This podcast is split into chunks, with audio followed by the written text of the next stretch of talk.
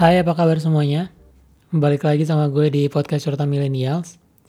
Um, dan gue emang kayak baru upload lagi nih setelah dua minggu. Awalnya emang niatan gue itu pengen upload rutin at least minggu sekali lah. Cuman karena berhubung gue udah balik kuliah lagi, karena sebelumnya emang lagi libur semester dan sekarang udah mulai masuk lagi di September awal kemarin.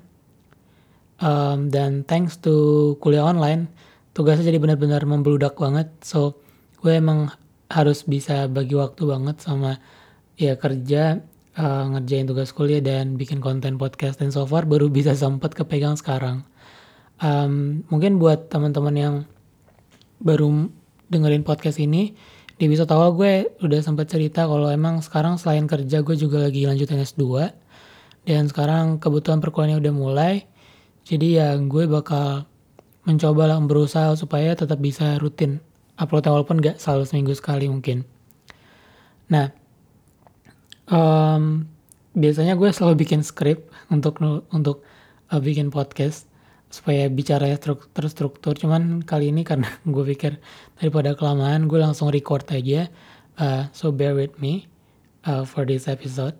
Um, nah, di episode kali ini uh, gue bakal masuk ke segmen uh, tentang investasi. Jadi kalau lo tahu gue di podcast gue ini gue bagi beberapa segmen uh, mostly ngomongin seputar dunia kerja dunia profesional dan kali ini gue bakal masuk ke uh, segmen investasi. Dan kalau misalkan kalian masih ingat beberapa bulan lalu itu emang sempat rame kan di dunia investasi ini sama kasus uh, salah satu financial advisor ternama lah di Instagram sebagai salah satu channel marketing utamanya uh, si perusahaan ini terjerat kasus bisa dibilang kasus uh, mungkin kasus pengelolaan dana investasi secara ilegal kali ya. Karena emang uh, si perusahaannya ini uh, mengelola dana kliennya untuk diinvestasikan ke aset uh, tertentu. Dan ternyata perusahaan ini sendiri belum mengantongi izin uh, sebagai manajer investasi. Uh, uh, kalau nggak salah waktu itu izinnya itu baru untuk memberikan edukasi, edukasi belum sampai mengelola dananya. Makanya uh, terus sempat terjadi di mana banyak dana nasabah yang boncos, uh, nasabah yang rugi akhirnya dilaporkan dan ternyata usut punya usut memang tidak punya izin untuk mengelola dana investasi. Dan mulai sejak uh, saat itu lagi naik lagi nih dunia concern terkait dengan atau terkait dengan urgensi dari investasi sendiri Nah di episode kali ini sebenarnya um, gue bakal lebih jelasinnya kayak gimana ya. Uh, mungkin lebih ke introduction dulu aja.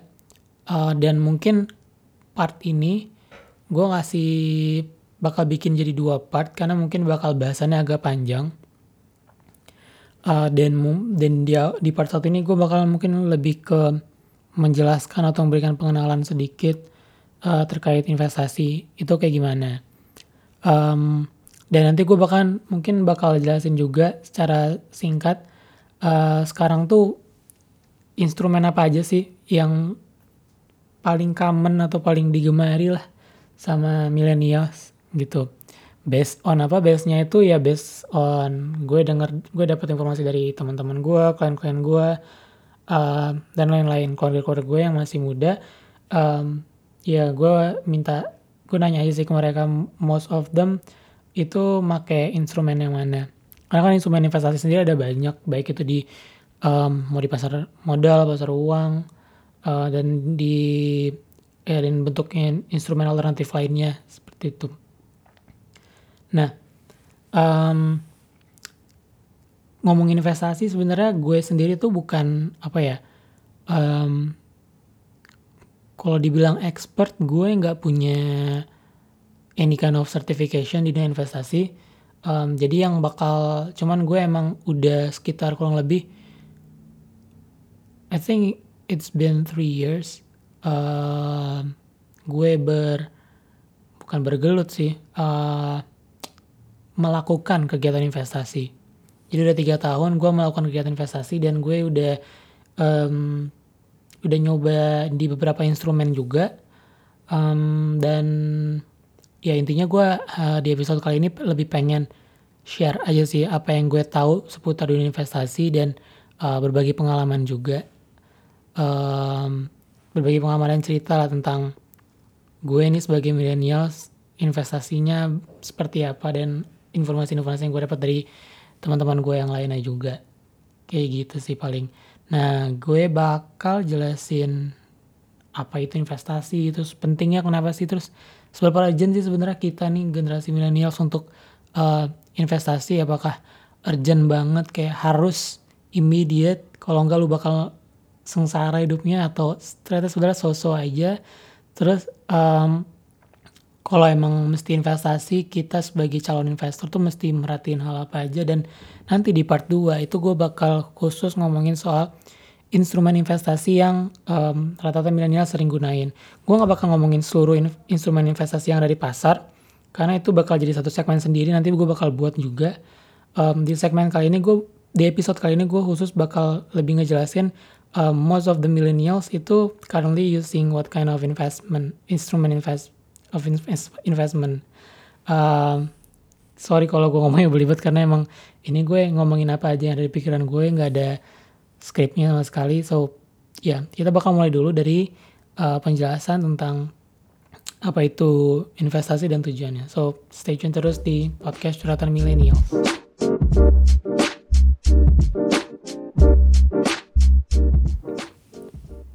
Nah, um, sekarang gue bakal jelasin um, apa sih investasi sebenarnya. Um, sebenarnya secara definisi yang lebih rinci ya atau um, konkretnya investasi itu bisa dibilang suatu uh, komitmen uh, komitmen dari siapa ke siapa yaitu komitmen dari seorang investor terhadap jumlah sejumlah dana atau uang yang dia miliki gitu um, terhadap uh, selama waktu atau periode tertentu dengan tujuan uh, dia mengharapkan adanya imbal hasil yang lebih baik di waktu yang mendatang. Jadi komitmen si investor terhadap sejumlah uang di periode waktu tertentu supaya dia bisa mendapatkan imbal hasil yang lebih baik di waktu mendatang. Nah kalau dilihat dari definisi ini, itu ada tiga constraint uh, dalam hubungan investasi yaitu yang pertama jumlah dana atau jumlah uangnya, kedua uh, periode waktu atau durasi in investasinya, ketiga adalah returnnya atau imbal hasil yang diinginkan. Nah ini tiga constraint ini yang selalu harus diingat baik-baik lah nanti uh, ke depan nih sama kita ngomongin masalah investasi. Nah, uh, tapi sebenarnya tujuannya investasi sendiri apa sih selain tadi kan mengharapkan adanya imbal hasil. Selain itu tuh ada beberapa hal sih yang menjadi um, alasan cukup penting nggak bisa dibilang kenapa sih sebenarnya investasi ini dirasa perlu. Beberapa alasannya adalah uh, karena kita sebagai manusia itu kan punya dapat penghasilan ya, mungkin sebagian ditabung di bank biasa selama ini. Cuman uh, uh, along the process kita dapat uh, gaji pendapatan. Um, mungkin pendapatan kita naik tapi uh, setiap waktu mungkin beberapa waktu sekali pendapatan kita naik terus kita menyimpan di uh, di bank. Walaupun ya kita tahu mungkin di bank juga ada bunga uh, per tahunnya tapi kita tahu bunganya kan sangat kecil banget. Sedangkan along the way ini ketika proses ini terjadi ada satu proses di dunia ekonomi yang juga terjadi um, yang kita sebut sebagai inflasi. Dan si inflasi inilah yang akan terus merubah bisa dibilang um, nilai uang yang kita miliki uh, sekarang ini gitu. Jadi kenapa penting investasi? Supaya um, ketika terjadi inflasi um, nilai uang kita itu tetap um, atau aset yang kita punya itu tuh punya nilainya gitu. Um, konkretnya atau lebih tepatnya gue gimana jelasin ya. Um, supaya kita bisa menjaga keuangan pribadi kita dari tingkat inflasi. Mungkin kayak gitu kali ya. Uh, maksudnya adalah tingkat inflasi itu kan naik terus uh, setiap tahun. Um, jangan sampai uang yang kita miliki itu kalah dengan laju atau pertumbuhan dari uang atau aset yang kita miliki itu kalah dengan laju inflasi. Jadi laju inflasi udah naik sekian persen, uang kita naiknya cuma 1-2 persen. misalkan katakanlah target inflasi itu sekitar 3% uh, per tahun kalau nggak salah Bank Indonesia itu gue lupa sini quarter berapa tapi uh, quarter yang lalu itu targetnya adalah 3,5% plus minus 1%. Itu target inflasi uh, tahun ini atau tahun lalu ya gue lupa. Nah katakanlah segitu ya 3,5% plus minus 1%. Artinya maksudnya plus minus itu artinya range-nya ada di 2,5% sampai um, 4,5% target inflasinya. Nah, kalau misalkan katakanlah kita ambil batas paling bawahnya aja gitu 2,5%. Kalau inflasinya aja 2,5% sedangkan pertumbuhan uang kita hanya 1% atau bahkan 2%, artinya pada saat inflasi terjadi nilai aset kita itu bisa dibilang tidak berguna untuk saat inflasi tersebut karena uh, nilainya jadi lebih rendah dari inflasinya. Maksudnya gimana? Maksudnya gini, misalkan uh, kita punya uang katakanlah atau atau aset katakanlah 10 juta. Um, terus punya ada laju inflasi uh, 10 juta di mana 10 juta ini katakanlah kita mau beli uh, suatu barang atau katakanlah kebutuhan pokok. Ya gue nggak tahu sih kebutuhan pokok apa yang 10 juta atau ganti deh jangan 10 juta. Katakanlah kita punya uang 100 ribu aja 100 ribu. Nah kita mau beli sekarang 100 ribu ini cukup nih untuk beli kebutuhan pokok kita makanan segala macem. Uh, tapi uangnya nambahnya cuman along the year segitu-segitu aja. Tuh nambah paling cuman 0, sekian persen mungkin satu persen. Jadi Eh, seratus ribu uh, berapa tuh kalau satu persen?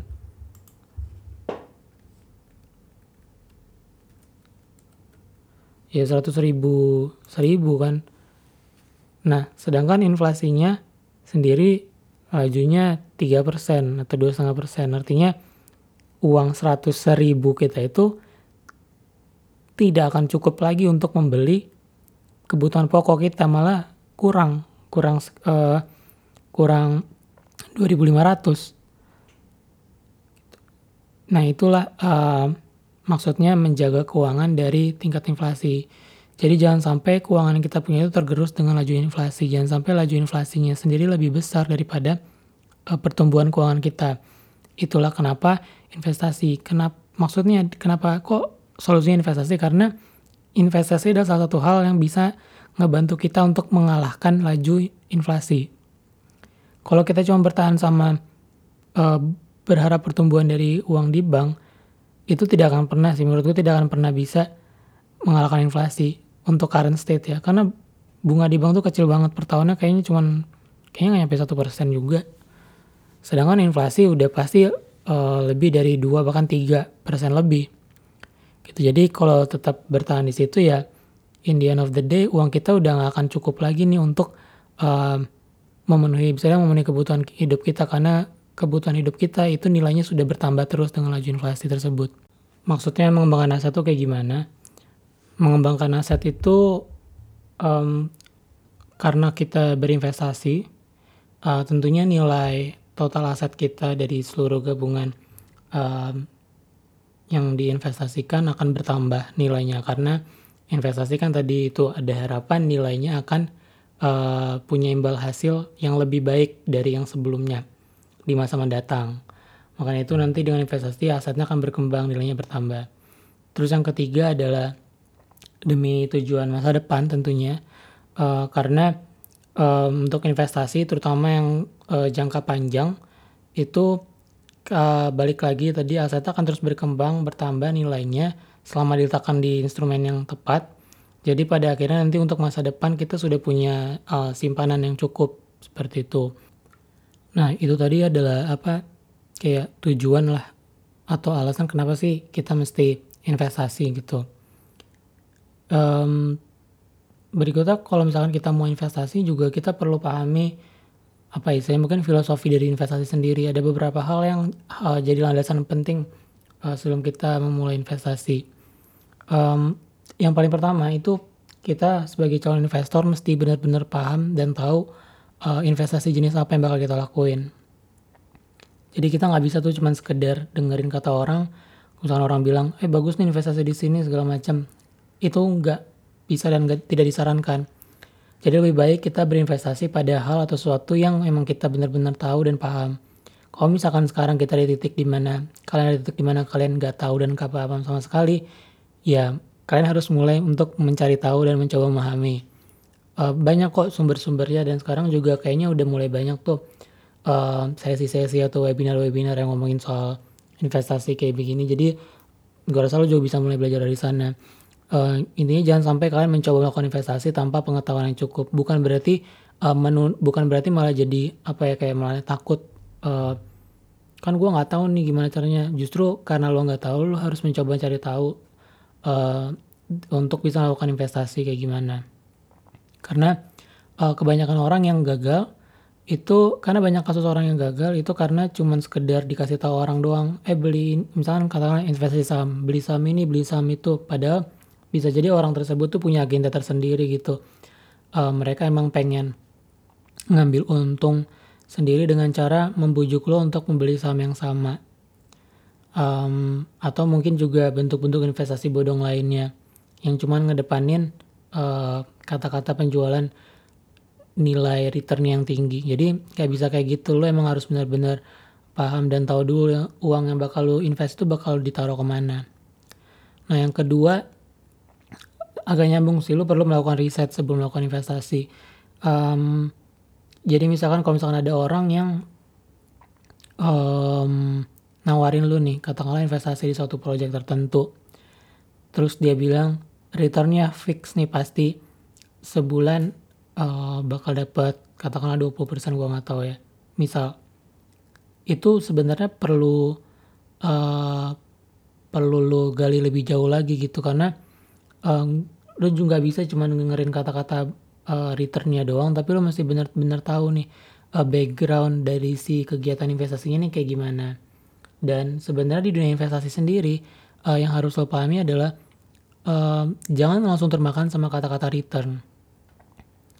Um, dan sebenarnya orang yang nawarin uh, investasi ya in, ini instrumen investasi yang lain yang kita tahu pendapat apa returnnya tidak mungkin tetap itu terus dia bilang bahwa pasti nanti bakal dapat returnnya sekian nih per bulan.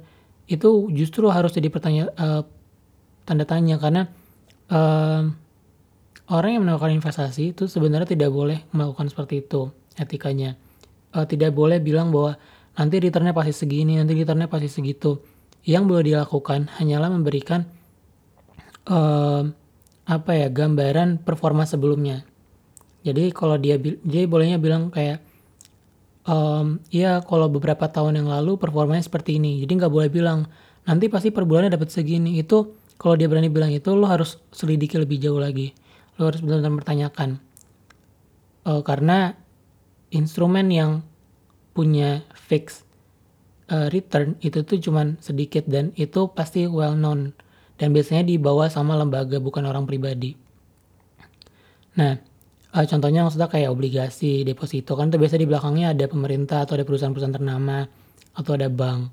Cuman kalau misalkan nanti eh, tiba-tiba ada orang yang mendatangkan datang ke lu nawarin bisnis, investasi di suatu bisnis, um, dia bilang bakal dapat return sekian-sekian, lo harus selidiki banget lebih jauh. Yang lo butuhkan itu bukan kata kata-kata dia returnnya setiap bulan berapa, tapi yang lo butuhkan adalah data ke belakangnya dia performanya seperti apa. Terus uh, yang ketiga, keputusan investasi itu mesti dilandasi oleh uh, pemikiran yang rasional bukan emosional. Jadi uh, jangan sampai karena kayak udah ngebet banget pengen beli in instrumen ini atau pengen investasi di tempat ini, terus kalian jadi tidak berpikir rasional itu nggak baik. Jadi um, balik lagi yang tadi kalian harus benar-benar cari tahu dulu, pelajari segala macam, baru melakukan investasi. Nah yang keempat, uh, berinvestasi itu harus secara profesional baik dari sisi jumlah uh, investasinya maupun jangka waktu. Kan tadi gue sempat bilang ya beberapa constraint dalam kegiatan investasi. Yang di poin ini adalah uh, soal jumlah dana dan juga jangka waktu. Kenapa? Jadi jangan kalian kan pasti punya pendapatan kan. Uh, tidak baik juga kalau nanti semua pendapatan kalian atau 50% lebih dari pendapatan kalian itu langsung dialokasikan ke investasi karena takutnya tidak sehat juga untuk uh, kebutuhan kalian yang lain-lain. Jadi tetap harus diproporsionalkan uh, dengan jumlah dana yang dipunya. Dan maksudnya proporsional terhadap jangka waktu juga kalian harus benar-benar tahu nih kebutuhan kalian ini untuk jangka waktu berapa lama nih. Jadi nanti ketika menempatkan di satu instrumen itu tepat. Jangan sampai kebutuhan jangka pendek kalian taruhnya di instrumen investasi jangka panjang. Itu tentu nggak match dong. Maksudnya katakanlah lo butuh, uh, eh, gue butuh, uh, eh, gue pengen pergi liburan nih dalam jangka waktu katakanlah tahun depan. Dan lu naruhnya di saham. Karena cuma sekedar ngincar uh, returnnya tinggi. Tapi prinsipnya sebenarnya nggak bisa kayak gitu. Karena saham itu uh, uh, adalah instrumen investasi jangka panjang sebenarnya. Uh, investasi ya ini, gue konteksnya ngomong investasi bukan trading. Beda lagi kalau misalkan nanti lo pakai tekniknya trading, beda lagi. Cuman kalau untuk konteks investasi, saham itu nggak bisa kalau cuman lo expect returnnya setahun doang. Karena emang ditujukan untuk jangka panjang. Jadi kalau punya kebutuhan dalam waktu setahun, tentu harus ngambil sesuatu yang uh, lebih uh, lebih fixed income atau lebih uh, konservatif bisa dibilang. Karena takutnya kalau misalkan saham, nanti pas tahun tahun depan ketika lu butuh dananya cair, ternyata sahamnya lagi boncos. Karena lo yang rugi. Jadi kalau misalkan butuh dananya cep, uh, dalam jangka waktu yang pendek, cari instrumen yang memang akomodir untuk investasi jangka pendek. Seperti itu. Nah, yang kelima terakhir adalah menjaga modal investasi. Jadi kalau kalian udah berinvestasi, uh, modalnya itu selalu dijaga. Uh, jangan sampai malah berkurang, either karena kalian loss uh, atau karena digunakan untuk yang lain. Malah kalau bisa ditambah-tambah terus. Nanti kita bisa nanti adalah uh, gue bakal pasti bakal jelasin uh, mungkin gak di sini tapi nanti di uh, materi yang lain tentang investasi. Ada yang namanya compounding method. Nanti kita bisa pakai teknik itu supaya um, nilainya itu bisa terus bertambah terus seiring jalan waktu. Nah, tadi itu mungkin beberapa hal yang jadi ya ibaratnya kayak filosofi dalam investasi lah hal-hal yang harus lo uh, perhatikan atau lo pahami dulu nih sebelum melakukan investasi. Nah um, di investasi sendiri uh, kegiatan yang nantinya akan lo lakukan itu ada beberapa hal yang mesti lo tahu? Um, kan tadi gue udah bilang constraintnya apa aja. Terus ada satu hal lagi yang harus tahu ada yang namanya tingkat resiko. Nah, penting banget nih buat kalian untuk uh, benar-benar tahu tingkat resiko dari satu instrumen investasi seperti apa dan selain uh, lu tahu tingkat resiko dari instrumen tersebut, lu juga mesti tahu uh, toleransi diri lo terhadap resiko itu seperti apa. Nah, makanya dibagi uh, apa toleransi seseorang terhadap uh, resiko investasi itu dibagi menjadi uh, tiga kategori uh, yaitu ada yang sebutannya konservatif, ada yang sebutannya moderat, ada yang sebutannya agresif. Nah sebelum lo um, mulai investasi, lo mesti benar-benar tahu dulu nih, lo tipe yang mana. Makanya itu kalau kadang kalau misalkan lo bikin uh, si rekening dana investor atau SID atau single identification identification number gitu di uh, rekening reksadana lah katakanlah atau di tempat-tempat lain sekuritas gitu. Biasanya mereka suka ngasih kuesioner yang menanyakan beberapa hal. Kayak uh, apakah lo lo bersedia untuk uh, apa dengan investasi yang resikonya tinggi apakah lo bersedia untuk uangnya uh, apa ya kayak mengalami kerugian untuk jangka waktu tertentu. Nah itu tuh pertanyaan-pertanyaan yang ditujukan emang untuk mengukur sebenarnya profil resiko lu itu masuk ke kategori yang mana, apakah konservatif, moderat, atau agresif. Jadi nanti ketika sudah diidentifikasi mana profil resiko lu, lu lebih lebih apa ya lebih lebih aman untuk dan lebih tahu akan memilih investasi yang mana gitu. Konservatif itu maksudnya adalah um, uh, tingkat toleransi lu bisa dibilang cukup eh sangat rendah lah paling paling rendah itu konservatif di mana lo nggak bisa uh, ngambil resiko yang terlalu tinggi tapi lo juga bisa ya, tapi lo menerima gitu bahwa ya udah karena resikonya tidak terlalu tinggi ya returnnya juga tidak terlalu tinggi. Nah sedangkan moderat itu di tengah-tengah lah in in between. Nah agresif itu yang paling uh, paling tinggi level risikonya. Yang berani emang ngambil yang disebut dengan high risk high return. Jadi emang berani ngambil risiko lebih tinggi uh, supaya bisa dapat imbal hasil lebih tinggi lagi nah perlu diketahui tuh nanti mana profil risiko dari diri kalian tuh apakah yang konservatif, moderat atau agresif. Karena beda nih, misalkan katakanlah ternyata kalian konservatif, ya berarti kalian mesti mainnya di instrumen-instrumen um, yang emang sifatnya uh, konservatif. Contohnya apa ya? Deposito, itu masuknya konservatif. Karena emang fix uh, bunganya tetap dan tingkat resikonya cenderung rendah. Terus kalau misalkan yang uh, moderat, ya moderat itu bisa um, bisa obligasi gitu. Tengah-tengah pendapatan tetap kalau reksadananya gitu. Dan yang agresif tentunya pasti saham. Nah jadi perlu di identify dulu nih sebelum kalian mulai memilih mau pakai instrumen yang mana. Nah uh, itu tadi tuh uh, yang gue jelasin itu ya introduction lah perkenalan tentang investasi itu apa. Terus lo mesti nggak mesti tahu apa aja pas investasi. Um, dan sebenarnya masih banyak lagi sih cuman karena ini masih introduction gue bakal gak bakal terlalu banyak jelasin banget. Dan karena gue pengen lebih banyak jelasin nanti terkait dengan instrumen yang bisa lo pilih uh, berdasarkan ya informasi-informasi dari teman-teman gue yang mereka pakai itu apa aja. Ternyata bah ternyata uh, banyak anak-anak milenial yang udah mulai aware sama investasi dan instrumennya cukup variatif gitu.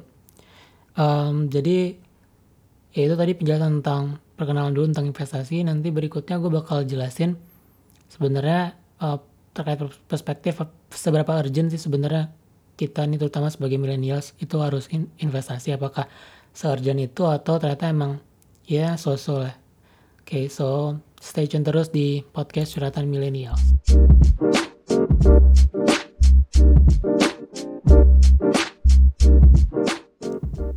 Um, tadi gue udah ngomong uh, ngejelasin untuk kenalin dikit lah tentang investasi itu kayak gimana sih terus konsep-konsepnya uh, mungkin masih agak abstrak karena masih ya kenalan dulu aja lah nantinya gue pasti bakal bahas lebih detail lagi di episode-episode berikutnya um, nah sekarang gue pengen apa ya ngomongin soal sebenarnya seberapa urgent sih buat terutama buat kita generasi milenial yang masih muda ini untuk harus melakukan investasi.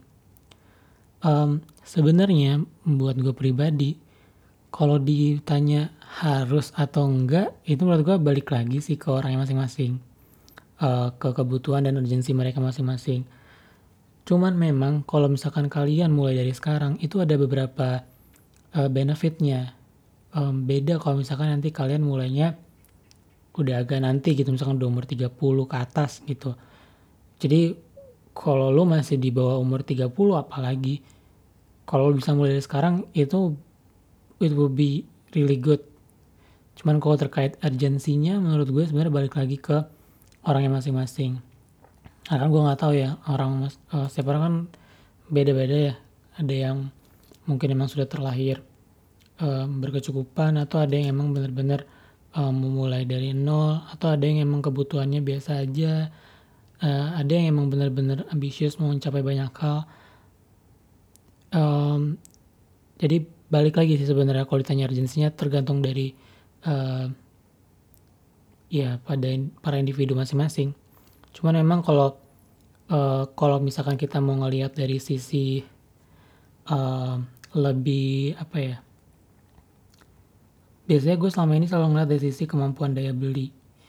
Dan memang memang bukan rahasia lagi kayaknya kemampuan daya beli uh, milenial tuh secara umum itu bisa dibilang tidak sekuat dulu uh, generasi-generasi sebelumnya. Um, ya contoh paling gampang uh, sekarang banyak banyak generasi milenial yang belum punya rumah. Um, atau lebih memilih untuk uh, apa untuk pindah-pindah tempat mau uh, kos segala macam belum bisa beli uh, landed house. Um, dan fenomenanya juga kelihatan gitu uh, developer sekarang jauh lebih um, banyak yang jual dan bangun apartemen ketimbang landed house. Kenapa? Karena buat kayaknya sih kalau landed house um, pasti harganya cenderung lebih mahal. Um, dan ngelihat dari daya belinya millennials untuk nge-afford harga landed house itu agak agak sulit. Makanya jadi banyak developer yang akhirnya shifting uh, ya udah bikin apartemen aja. Karena kita sering lihat kan apartemen ada di mana-mana. Karena secara harga apartemen jauh lebih affordable sih sekarang ketimbang kalau beli landed house. Um, dan selain itu juga karena karakteristik millennials juga yang dinilai lebih senang mobil mobilitas artinya uh, dia pun juga jarang ada di rumah anyway gitu tapi balik lagi sih sebenarnya tergantung orangnya. Kalau gue sendiri gue prefer punya landed house ketimbang apartemen. Um, dan gue masih berusaha untuk bisa ngejar itu. Um, jadi kalau misalkan ditanya lagi urgensinya gimana, ya itu tadi balik lagi ke kebutuhan masing-masing. Dan uh, buat gue pribadi uh, manfaatnya tuh banyak banget setelah gue nyoba. Gue mulai investasi itu tahun 2017 kayaknya. 2017 itu berarti umur gue sekitar 22 kalau nggak salah 22an lah 21 22 lah um, uh, dan apa ya gue yang tadinya nggak melek soal dunia uh, ekonomi segala macam sekarang jadi sangat memperhatikan uh, dan jadi terbuka banyak wawasannya. Ini dari segi wawasan gue belum masuk dari segi manfaat secara finansial seperti apa.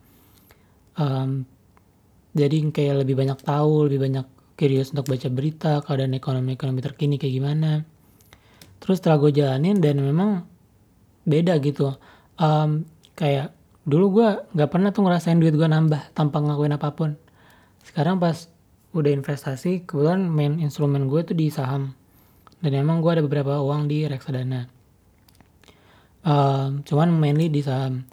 Dan ya baru kali ini maksudnya ngerasain eh duitnya nambah nambah nambah terus nanti tiba-tiba setiap tahun dapat dividen dari perusahaan.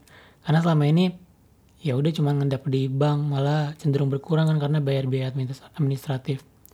Dan enaknya juga uh, karena gue masih muda mulainya dan ini mungkin berlaku buat teman-teman juga ya kenapa banyak yang nganjurin milenial investasi sekarang karena kita masih muda uh, chance kita untuk belajar itu jadi lebih tinggi karena kemampuan pertama kemampuan daya serap kita masih tinggi kedua karena kita masih muda space untuk kita bisa uh, melakukan kesalahan dan belajar dari kesalahan tuh masih banyak. Kalau nanti udah agak tua dikit, kalau lu salah, itu resikonya jauh lebih tinggi. Karena mungkin lu udah punya keluarga, lu udah punya anak. Jadi lu harus berhati-hati kan tidak boleh mengalami kerugian nanti karena bisa berdampak ke uh, financial condition keluarga lu sendiri gitu. Terus um, terus ah terus sekarang apalagi tuh masih single um, jumlah pengalokasian dana lo untuk investasi tentunya akan jauh lebih besar ketika nanti lo udah punya keluarga. Jadi makanya ketika lo mulai dari sekarang, uh, chance lo untuk bisa dapetin uang yang banyak untuk jangka panjang itu jauh lebih gede. Tanda uh, tanda bintang gue kasih notes tentunya dengan pemilihan instrumen yang benar. Um, dan karena kalau misalkan nih uh, lu mulai dari umur katakanlah di bawah 25 tahun uh, katakanlah ini untuk persiapan dana pensiun aja di bawah umur 25 tahun lu udah mulai investasi uh, katakanlah um, masa pensiun itu 55 tahun artinya lu punya spend kurang lebih 30 tahun untuk invest lu coba deh nanti sekali-sekali buka uh, pertumbuhan saham uh, apa aja deh nggak apa aja sih uh, cari aja saham-saham di LQ45 lu lihat pertumbuhan saham mereka selama sekian puluh tahun terakhir kayak gimana. Dan coba bayangin itu terjadi ke 30 tahun ke depan. Ya gue nggak bisa memastikan tapi uh, by trend sih seperti itu. Lu bakal ngeliat bahwa itu nilainya gede banget. Dan kalau lu harus mulai ketika udah umur 30-an berarti lu mengurangi 5 tahun uh, atau mungkin 10 tahun di masa investasi lu. Jadi menurut gue sayang banget. Makanya kenapa invest uh, milenial tuh disarankan investasi di sekarang karena itu tadi lu masih bisa punya kesempatan banyak untuk belajar. Terus uh, dan alokasi dana lu akan cenderung lebih gede ketimbang nanti lu udah berkeluarga dan lu punya durasi waktu yang cenderung jauh lebih panjang. Uh, dan jadi nanti pengumpulan dana lo bisa jauh lebih besar juga. Nah itulah kenapa sih sebenarnya banyak orang yang menyayangkan millennials itu lebih memilih untuk uh, mengambur-amburkan duitnya. Gue bukan yang gak senang belanja, gue juga belanja. Tapi uh, gue belanja dengan uh, apa ya? Dengan kesadaran dan pemahaman harus melakukan investasi juga. Dan itulah makanya sangat disayangkan karena uh, sebenarnya ini juga emang kalau dirasa-rasa emang benar untuk untuk untuk kepentingan dan keuntungan kita sendiri in the end of the day gitu. Supaya nanti kita nggak perlu sulit-sulit lagi pas udah masa tua. Yang paling penting itu salah satunya itu sih investasi untuk uh, hari tua kita. Um, ya jadi makanya buat gue saran gue buat milenial luar sana kalau lu udah bekerja dan udah punya penghasilan cukup lah. Sebagian uang lu bisa banget disisihkan untuk investasi. Nggak perlu takut harus ngeluarin duit yang banyak-banyak banget. Kayak investasi sekarang tuh udah bisa dimulai dari 100 ribu. Dan itu udah di instrumen yang pasar modal. So there are a lot of choices out there for you to uh, invest your money. Dan pilihannya apa aja itu nanti bakal gue jelasin di part 2 uh, tentang uh, apa aja sih instrumen yang most of the millennials currently using. Dan nantinya di episode terpisah lagi, gue bakal jelasin lagi secara lebih menyeluruh mendetail tentang instrumen investasi, mulai dari saham, obligasi, uh, terus ada uh, ada deposito, sertifikat Bank Indonesia, aset beragun, uh, security back aset atau uh, efek beragun aset, terus masih banyak lagi mas, ada emas juga, ada komoditi dan segala macam. Tapi nanti bakal jelasin di episode yang terpisah. Nah, untuk part pertama ini gue bakal ngasih introduction itu dulu aja dan selanjutnya di part kedua gue bakal ngejelasin tentang instrumen apa aja yang bisa lo pilih kalau lo baru mau mulai investasi yang cocok banget buat millennials. So, ini itu dulu dari gue untuk part satu ini. Uh, stay tune terus. Sampai ketemu lagi di podcast Curhatan Millennials episode Yuk Kenalan Sama Investasi alam Millennials Part 2.